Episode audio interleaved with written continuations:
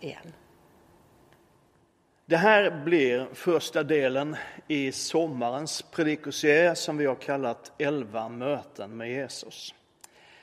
Den spänner över tio söndagar, men en predikan kommer att handla om två personers möte med Jesus. Så då blir det 11 möten med Jesus. Och det vi vill prata om och fundera över tillsammans med dig under de här sommarveckorna, det, det är lite grann om vad händer med en människa som möter Jesus. Och hur möter Jesus människor? För vi människor är ju olika. Och det kan finnas olika anledningar och behov som driver människor att söka svar på sina frågor. Lite grann om det vill vi tala de här veckorna. Och dagens bibeltext ska vi strax hämta ifrån Johannes evangeliet. Ganska många av de här bibelberättelserna som vi kommer att tala om under sommaren kommer just från Johannes. Inte riktigt alla, men många av dem. Och det är så här att de fyra evangelierna är lite grann olika även om de handlar om samma sak. Matteus skriver till den judiska kulturen och använder sig av den kunskap och de förväntningar som de, det judiska folket, hade och refererar till sånt som de kände till. Och Markus skriver troligen till människor i Rom som har konverterat till kristendomen, som alltså inte har med sig den judiska bakgrunden och de judiska uttrycken. Han förklarar en del uttryck och sammanhang för att de ska kunna få en insikt och, förstå fullt ut vad det handlar om. Och Lukas är med som en reporter, en journalist. Hans berättelse är ganska avskalad. Han berättar helt enkelt vad som hände. Och Johannes verkar skriva för människor som ännu inte tror. Han säger i slutet av evangeliet att Jesus gjorde mycket annat än det som tagits med i den här berättelsen. Men så säger han, men detta har jag skrivit för att ni ska tro att Jesus är Messias, Guds son, och för att ni genom tron ska ha liv i hans namn. Han skriver till hedningar, det vill säga icke-judar. Han skriver till människor som lever i den kultur och i den filosofi som präglade Medelhavsområdet ganska starkt på den här tiden. En kultur och en filosofi som var påverkad av de grekiska filosoferna som Sokrates och Platon och Aristoteles. Och grekerna trodde att universum har en sorts inneboende rationell och moralisk princip, en sorts tingens ordning. En sammanhållande kraft som man kallade för logos, ordet. Och att leva ett gott och rätt liv innebar att man skulle meditera över och reflektera över denna tingens ordning, detta logos, och låta sig formas efter den. Och det är lite otydligt varifrån man menade att den här sammanhållande kraften, detta logos, kom. Det verkar som om det på något sätt bara fanns där. Och när Johannes skriver sitt evangelium så börjar han där med logos-tanken. Och det han påstår är någonting revolutionerande. För han menar att den där tingens ordning, logos, inte är en mystisk, opersonlig kraft eller energi, utan att det är en person. Och den personen är Gud. Så här skriver han. I begynnelsen var ordet och ordet var hos Gud och ordet logos var Gud. Han var i begynnelsen hos Gud. Allt blev till genom honom och utan honom blev ingenting till av det som är till. Och i honom var liv och livet var människornas ljus. Men Johannes nöjer sig inte med att logos är Gud, att ordet är Gud, utan att universums och att universums sammanhållande kraft är en personlig Gud, utan han fortsätter att ordet, logos, den sammanhållande kraften, alltings ursprung och början, blev kött, blev människa och bodde bland oss. Och vi såg hans härlighet, den härlighet som den enfödde har från Fadern. Och han var full av nåd och sanning. Tingens ordning universums ursprung och sammanhållande kraft, blev människa. Och vi har mött honom, säger Johannes. Vi har sett honom. Och det här var radikalt annorlunda än den uppfattning som var allmänt rådande. För man hade bilden av att gudarna i sin värld levde helt åtskilda från människorna. Och det fanns ett talesätt där man sa att gudarna bryr sig inte. Och Johannes visar och vill visa att livets mening inte är en princip eller någon sorts diffus filosofisk struktur utan en person som har vandrat på den här jorden. Och vi har sett honom och vi har mött honom. Och samma Johannes skriver i ett av sina brev att det som var från begynnelsen, det vi har hört, det vi med egna ögon har sett, det vi har skådat och rört med våra händer, om detta vittnar vi, livets ord, livets logos. Livet har uppenbarats, vi har sett och vittnar om det och förkunnar för er det eviga livet som var hos Fadern och uppenbarades för oss. Det vi har sett och hört förkunnar vi för er för att också ni ska ha gemenskap med oss och vår gemenskap är med Fadern och hans son Jesus Kristus. Det vill säga, livets mening går inte att finna genom filosofiska kontemplationer och intellektuella övningar som skulle exkludera de allra flesta människor. Livets mening är en person som man kan möta och ha en relation med. Och den personen, den relationen är tillgänglig och öppen för vem som helst, vad som helst och när som helst. Man kan ju tycka att Johannes börjar sitt evangelium lite högtravande, lite väl intellektuellt. Men som för att riktigt understryka det han har kommit fram till, att livets mening och svaret på livets frågor är tillgängligt för vem som helst, så flyttar han sedan ganska raskt över sin berättelse från det lite högsvävande, filosofiskt intellektuella till en liten obetydlig plats i Galileen i norra Israel. Nästa dag beslöt Jesus att gå därifrån till Galileen. Då fann han Filippus och sa till honom, följ mig. Filippus var från Betsaida, samma stad som Andreas och Petrus. Filippus fann Natanael och sa till honom, vi har funnit honom som Moses skrev om i lagen, som profeterna skrev om, Jesus, Josefs son från Nasaret. Natanael sa till honom, från Nasaret, kan det komma något gott därifrån? Filippus svarade, kom och se.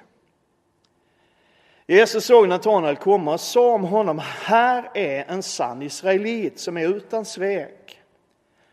Natanael frågade honom, hur kan du känna mig? Jesus svarade, innan Filippus kallade på dig såg jag dig under fikonträdet. Natanael svarade, Rabbi, du är Guds son, du är Israels kung. Natanael är skeptisk, minst sagt, när Filippus med andan i halsen kommer rusande och berättar att han tror att han har funnit Messias. Enligt judisk uppfattning så, så var Messias en kommande kung, sänd av Gud. En som skulle komma med makt och dignitet och som skulle regera över det judiska folket och så småningom över hela världen.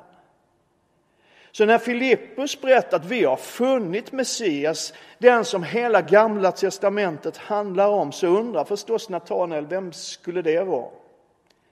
Och Filippus säger, ja alltså det är Jesus Josefsson från Nasaret. Och där hade ju Filippus fel på ett par punkter. Jesus var inte från Nasaret. Han var född i Betlehem, precis som de, de profetiska skrifterna hade förutsagt. Han bodde ett tag i Nasaret, men han var inte därifrån. Och han var inte Josefs son, han var Guds son. Och visst kan man ana sarkasmen i Natanaels röst. Nasaret, kan det komma något vettigt från den hålan?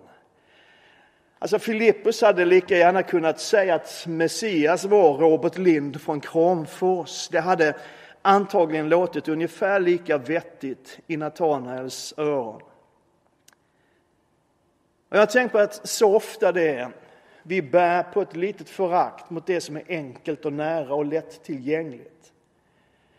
Det är som om vi har fått för oss att svaren vi söker, meningen vi längtar efter, nyckeln till att hitta oss själva och vår plats i den här tillvaron, liksom alltid och med nödvändighet är långt bort någon annanstans, att vägen dit är krånglig och svår och oftast ganska dyr.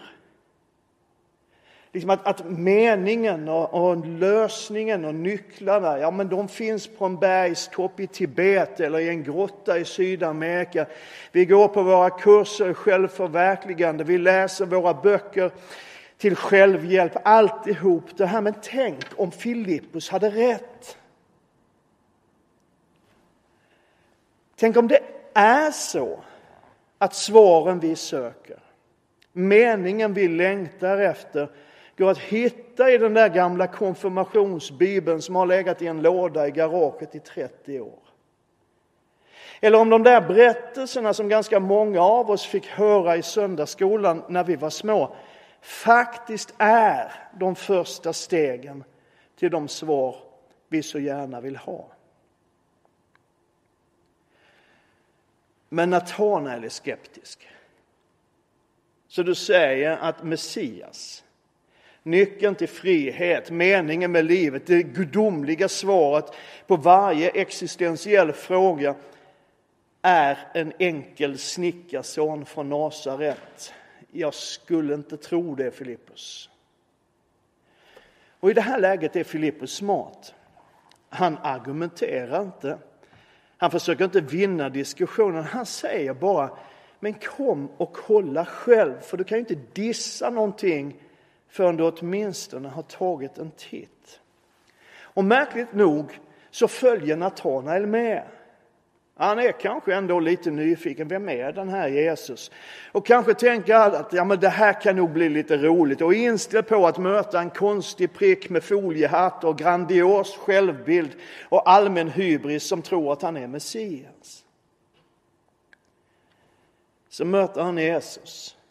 Och det första Jesus säger till honom är du är en ärlig och äkta människa.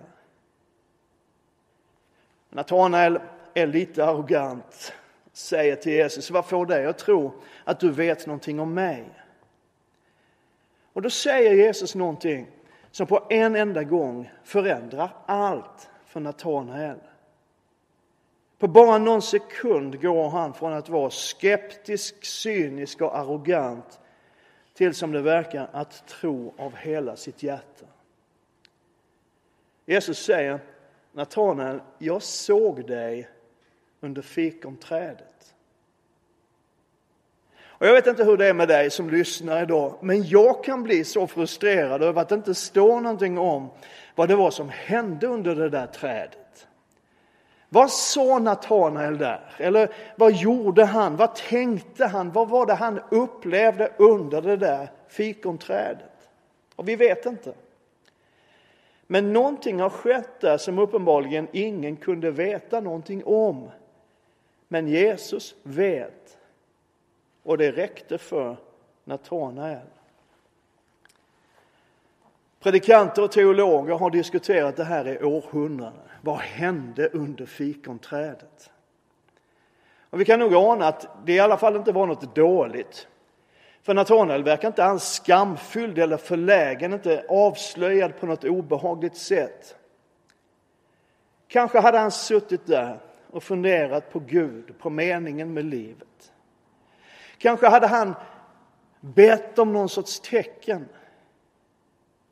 Kanske så hade han bett den bön som jag vet att så många av oss har bett och ber vid något tillfälle i livet, en sorts desperat bön. Att Gud, om du finns, så visa mig. Låt mig få veta. Och det Jesus säger visar Natanael att Gud finns. Och han är uppenbarad i Jesus Kristus.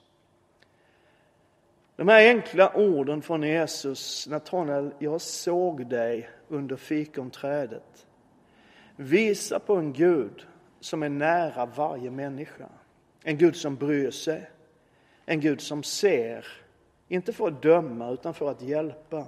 Det som Paulus säger när han talar till folket i Aten och säger Gud är ju inte långt borta från någon enda av oss. Människans sökande efter mening, efter svar som går att leva på, den finns med genom hela historien. Den präglar kulturen, den präglar konsten, litteraturen, egentligen allt mänskligt liv. Ibland blir det cyniskt och uppgivet som hos Shakespeares Macbeth när han säger att livet det är som en saga berättad av en dåre, larm och lidelse som ingenting betyder. Ibland visar den på människans nöd och desperation som hos den svenska poeten och författaren Per Lagerkvist som verkar ha levt med en känsla av att någonting saknas när han skriver Vem är du som fyller mitt inre med din frånvaro? Sökandet efter mening och svar det finns där hos Bono när han berättar i sången hur han har klättrat upp på de högsta bergen, sprungit genom fälten, only to be with you, för att få vara hos dig. Och den kommer fullständigt desperat till uttryck i Kristina från Duvemåla, när Kristina tycker sig ha förlorat allt, när tillvaron har rasat samman, när ingenting finns kvar och hon ropar ut till sin barndoms Gud, du måste finnas. Du bara måste finnas. Filippus sa, vi har funnit honom. Ett påstående som först väckte en viss skepticism. Men Natanael upptäckte att det är sant. Det finns en Gud som ser, en Gud som vet, en Gud som bryr sig. Och hans namn är Jesus. Tänk om det är sant. Jag tror, jag är faktiskt helt övertygad om att Gud ser dig under det som är ditt fikonträd. Han är inte långt borta från någon enda av oss.